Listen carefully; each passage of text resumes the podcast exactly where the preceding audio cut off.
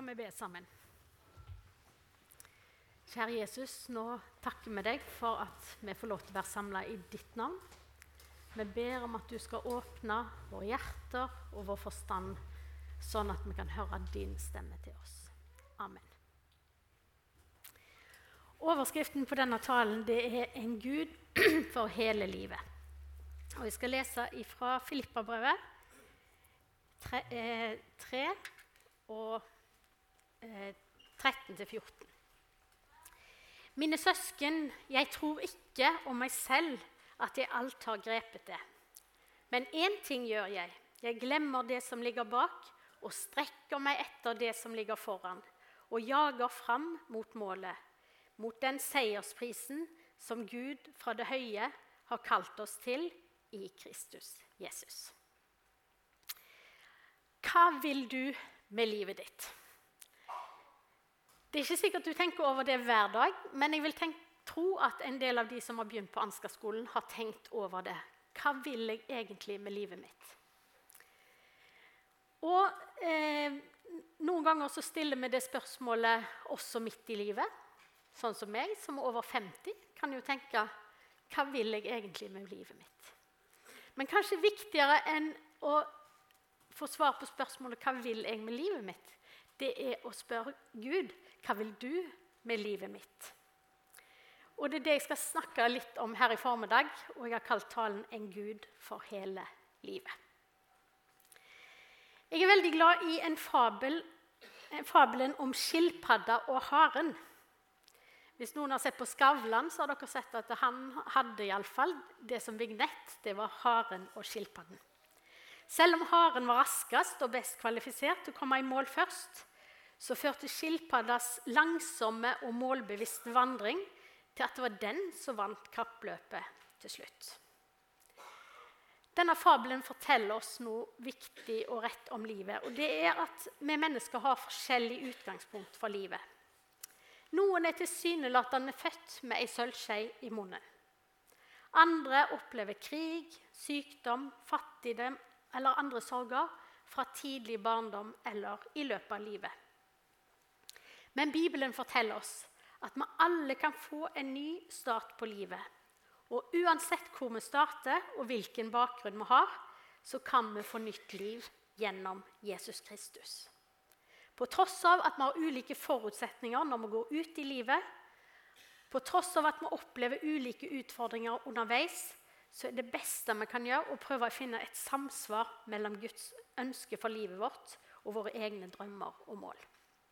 Alle som har gått på Ansgar-skolen, vet at taler skal egentlig ha tre punkter. Jeg tror jeg har fire i denne. Jeg håper det er greit.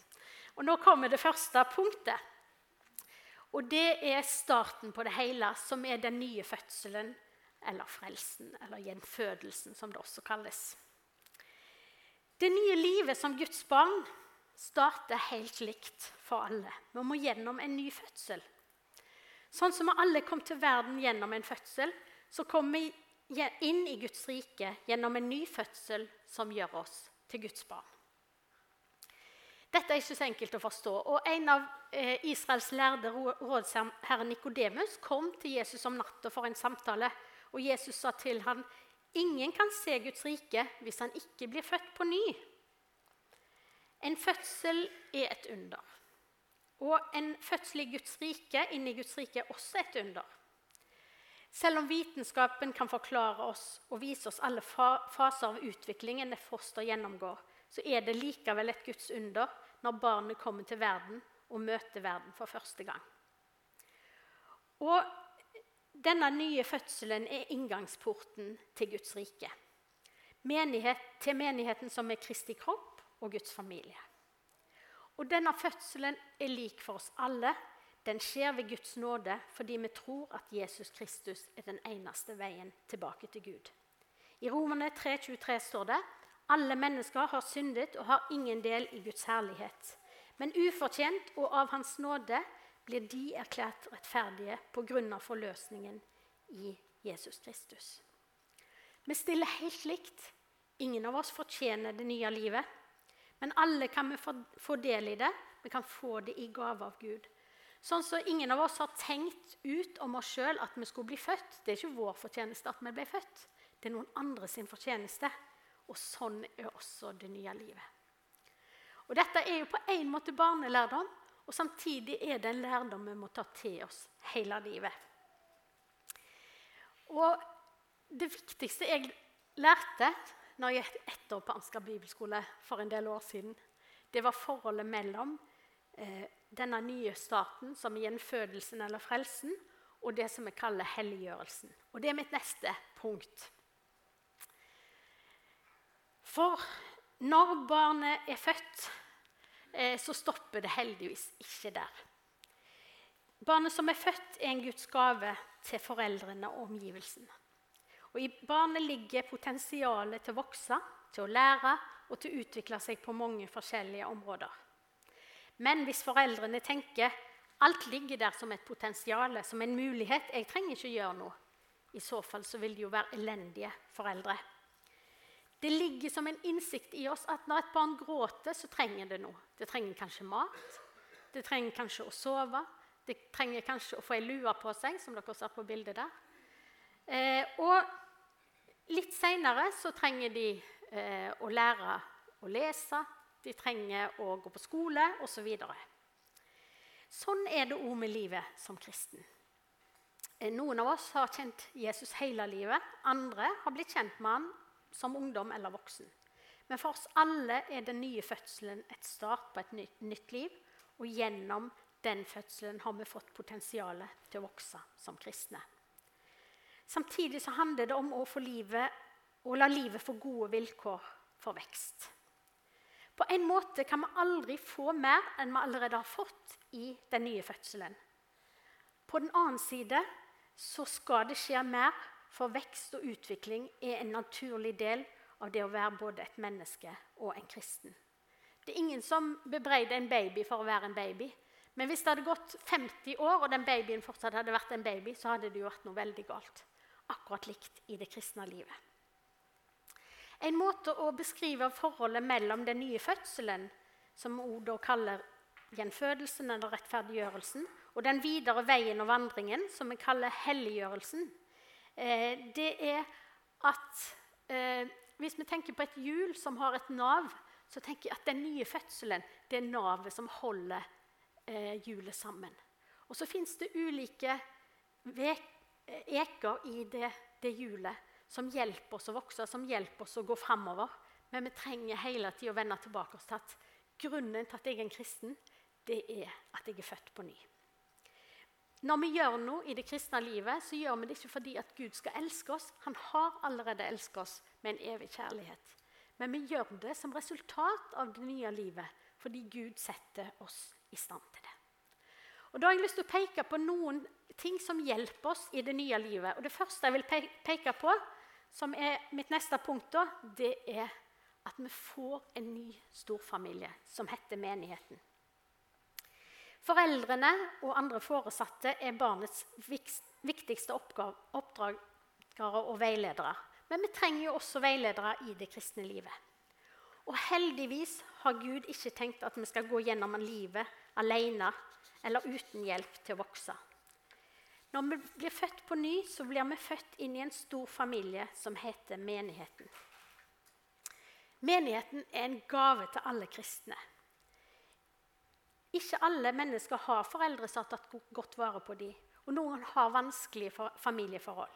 Men, men gjennom menigheten får alle kristne være en del av en stor familie. Menigheten skal sørge for at kristne vokser i troen gjennom forkynnelse, undervisning, fellesskap i grupper og gjennom sosiale samvær. Etter hvert kan barn spise sjøl og kan klare seg mer og mer alene. Men oppdragerrollen er jo ikke ferdig, kanskje ikke før barnet flytter hjemmefra.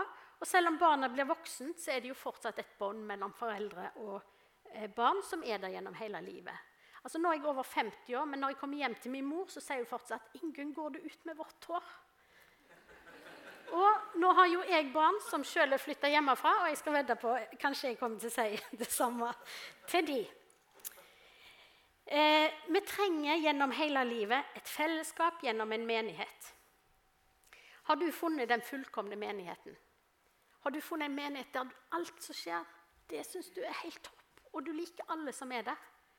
den fullkomne menigheten fins ikke. Men Guds menighet er allikevel jordens største under, som vi synger i en salme av Ronald Fangen. Og Noen av dere har akkurat begynt på Ansgarskolen. Da vil jeg oppfordre deg til å finne deg en menighet her i Kristiansand. Noen av dere er en del av en menighet. Og noen eh, mennesker i en menighet forstår man bedre enn andre. Noen virker perfekte på utsida. Andre kjenner du nærmere og vet at alle strever med sitt. Noen lever alene, noen lever sammen med en familie, noen lever i deltidsfamilier. Noen har opplevd store sorger og harde slag. Andre går tilsynelatende lett gjennom livet. Noen har grå hår, noen har ikke hår. Andre er nettopp begynt på livet. Men alle tilhører med Guds familie, og det er Hans kjærlighet som holder oss sammen på tvers av vår forskjellighet. På det bildet så ser dere en bibel, og dere ser en nattværkalk og et brød. I menigheten så feirer vi livets store høytider, barnevelsignelse eller dåp, konfirmasjon og bryllup og begravelse. Vi feirer livets oppstart, begynnelse på voksenlivet, begynnelsen på familielivet. Og vi tror på et evig liv som er bedre enn det vi har her nå. Vi feirer nattverd, som symboliserer Jesu død og oppstandelse. Eh, og vi får fellesskap mellom andre kristne gjennom måltidet. Det er det ene som hjelper oss i livet som kristne menigheten. Så jeg har lyst til å ta et nytt punkt som er bildet på det nye livet. Og det nye livet det sammenligner Paulus med et løp eller en vandring. Jeg er glad den, det er begge deler, for noen foretrekker kanskje det å løpe, og andre foretrekker kanskje det å vandre. Men etter vi har opplevd den nye fødselen, så har livet vårt fått en ny retning. Og Derfor så kalles den nye fødselen også en omvendelse. Og Jesus sier i Markus 1,15.: Tiden er kommet, Guds rike er nær. Vend om og tro på evangeliet. De kristne livet omtales eh, som en vandring. og Den mest solgte kristne bok etter Bibelen heter 'Pilegrimsvandring'. Hvis du leser den i dag, så virker den kanskje litt fremmed, men tanken er at mennesket er en pilegrim eller gjennomreisende i denne verden. I dag selger vi bøker som heter 'Hvordan bli en god pastor på tre uker', 'Hvordan redde ditt ekteskap på ti dager'. Kort sagt 'quick fix'. Vi lever i en tid der alt skal skje så raskt, og vi forventer resultater etter kort tid. Men å leve som kristen handler, om endring. Det handler om modning. Eh, hjemme så har vi eh, mye frukt, frukt eh, og trær. Nei, frukt og bær. frukt og trær. Frukt. ja. Eh, og eh, så går vi liksom rundt og ser oi, nå er det kommet noen plommer eller det kommet noen pærer. Og så vet vi jo veldig godt at det, ja, selv om det er kommet ei pære, så bør jeg ikke spise den før den er moden. Da smaker den ikke godt. Den er ikke bra. Sånn er det også i vårt liv. Vi trenger modning. Og Vandringen med Jesus det handler om at vi er på vei mot det fullkomne. Men vi har ennå ikke nådd det. Selv Paulus sier han har ennå ikke nådd det. Og da tenker jeg vi andre kan stille oss litt bak der. Vi dømmer ofte mennesker ut fra det vi ser. Men vi burde heller se etter hvor er mennesket på vei. Og En av de tingene jeg husker veldig godt fra Edil Løvaas, det, det han sa omvendelse. Det er ikke å leve det perfekte livet, men det handler om hvor er du på vei. Hvis vi ser på det korset er der borte, så tenker jeg omvendelse handler om at vi alle har snudd oss mot det korset, og så er vi på vei mot Kristus. Vi kan gjerne se andres feil. Vi ser jo lettere andres feil enn våre egne. Vi kan gjerne også se egne feil. Men det er ikke det det handler om. Det handler om hvor er du på vei. Hvilket mål har du? Jo, jeg er på vei mot himmelen. Jeg er på vei mot Kristus. Og Der tror jeg vi faktisk har mye alle sammen å, å tenke litt over. Fordi at vi har så lett for å dømme hverandre, og kanskje også dømme oss sjøl. Men det handler ikke om er det sånn eller sånn eller sånn i den enkeltes liv, men det handler om er jeg på vei mot Kristus. Og Av og til så trenger vi å justere kursen, men det handler fortsatt om hvor er jeg på vei. Hvis vi skal løpe et maratonløp, så må det forberedes. Og en av de som handla smart når han sto på startstreken til en ny oppgave Og det var en stor oppgave som konge over Israel, det var kong Salomo. Når kong Salomo hadde blitt konge over Israel, så ga Gud han et fantastisk løfte.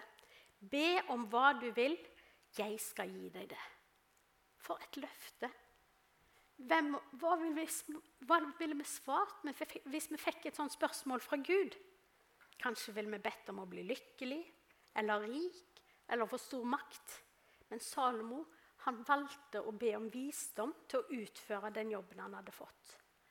Og Da sa Gud til ham, fordi du ba om det, og ikke om rikdom og et langt liv, så vil jeg gi deg alt det i tillegg.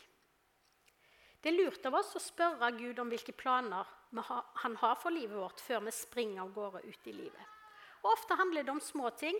En av USAs generaler ga følgende råd til sine underordnede. Hvis du vil forandre verden, start med å reie opp senga di hver dag.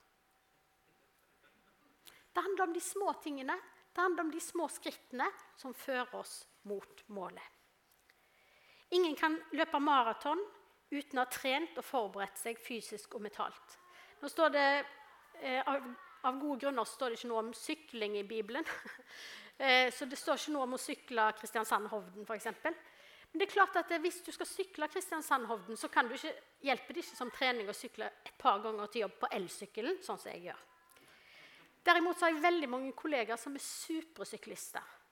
Det hadde ikke hjulpet meg hvis jeg hadde lånt sykkelen til Bjørn Øyvind Fjell eller uh, Reidar Salvesen eller uh, Anne Haugland Balsnes eller Øyvind Skjegstad og tenkt ok, jeg låner, jeg låner deres sykkel, jeg låner deres trøye. Da kommer jeg meg vel fram til Hovden. Det hadde jo ikke hjulpet noen ting, for jeg var ikke forberedt.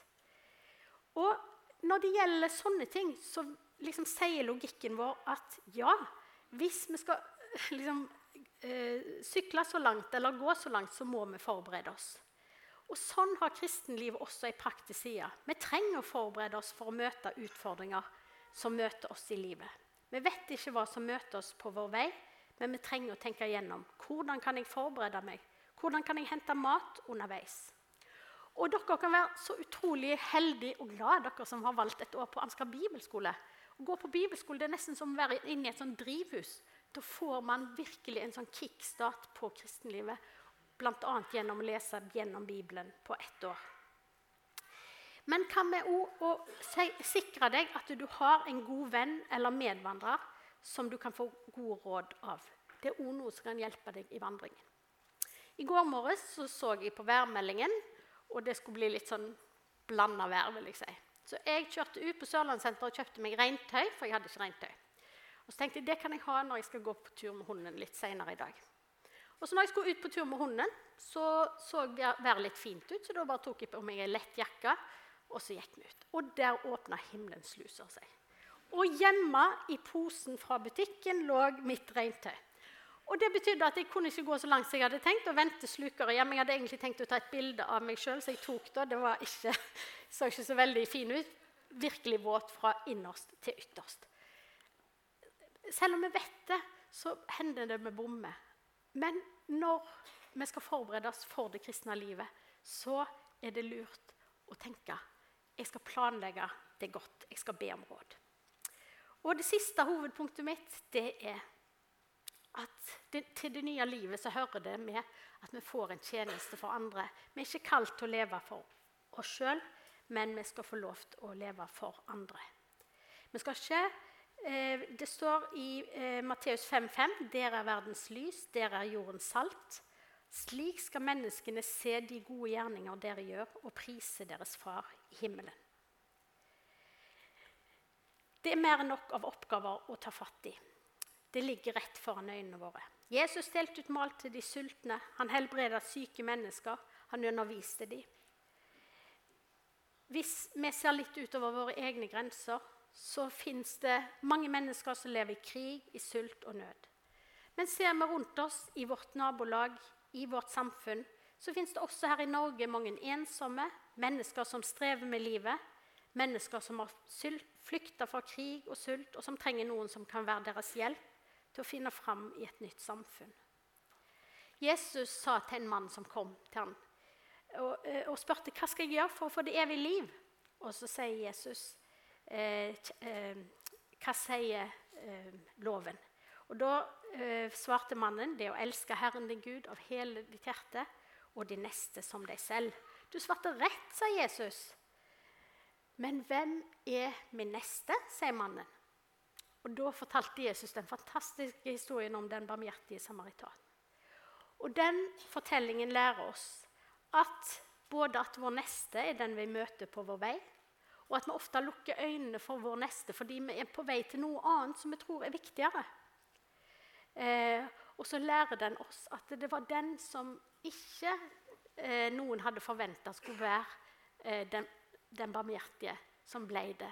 Den som var en samaritan som kom fra et annet folk, og hvor jødene ikke ville ha fellesskap med samaritanerne. Som kristne så gjør vi mye av det samme som alle mennesker gjør. Vårt dagligliv er ikke så forskjellig fra de som er rundt oss. Vi er en del av verden. Men selv om vi er en del av verden, så er vi i verden, så er vi ikke av verden. Vi har et høyere mål. Vi vet at Gud ønsker å forvandle oss sånn at vi blir likere Han. Og I Efesene 5,1 så heter det ha Gud som forbilde, dere som er Hans elskede barn. Og helt til slutt, og mitt siste bilde, det er at på en måte så kan vi sammenligne livet vårt med en vev. Og På dette bildet ser dere ei fillerie. Eh, og de som vever fillerier, de bruker ofte gamle og utslitte klær i veven. Og Sånn får fillerien mange farger og forskjellig stoffkvalitet, men til sammen utgjør de et mønster. Og Vi kan tenke at våre liv er som en sånn vev. Vi ønsker oss kanskje mest av de lyse fargene. Vi ønsker et enkelt liv og tror det er det samme som et meningsfullt liv. Men Gud kan også ta de mørke fargene, de mørke hendelsene, og forvandle dem til noe som gir oss livsvisdom og styrke. Denne talen har handla om at vi alle får lov til å komme inn i Guds rike gjennom en ny fødsel, og at dette livet skal vokse og få ny næring. Menigheten er vår storfamilie, og som, den som er med og oppdrar oss. Kristenlivet kan sammenlignes med et løp eller en vandring, og Gud har en tjeneste for oss. Guds mål med livet ditt er at du skal elske Han og de neste. Og spør du Han om råd, så vil Han hjelpe deg å leve livet og nå målet. Og en dag ligger en seierspris og venter på oss alle. Amen.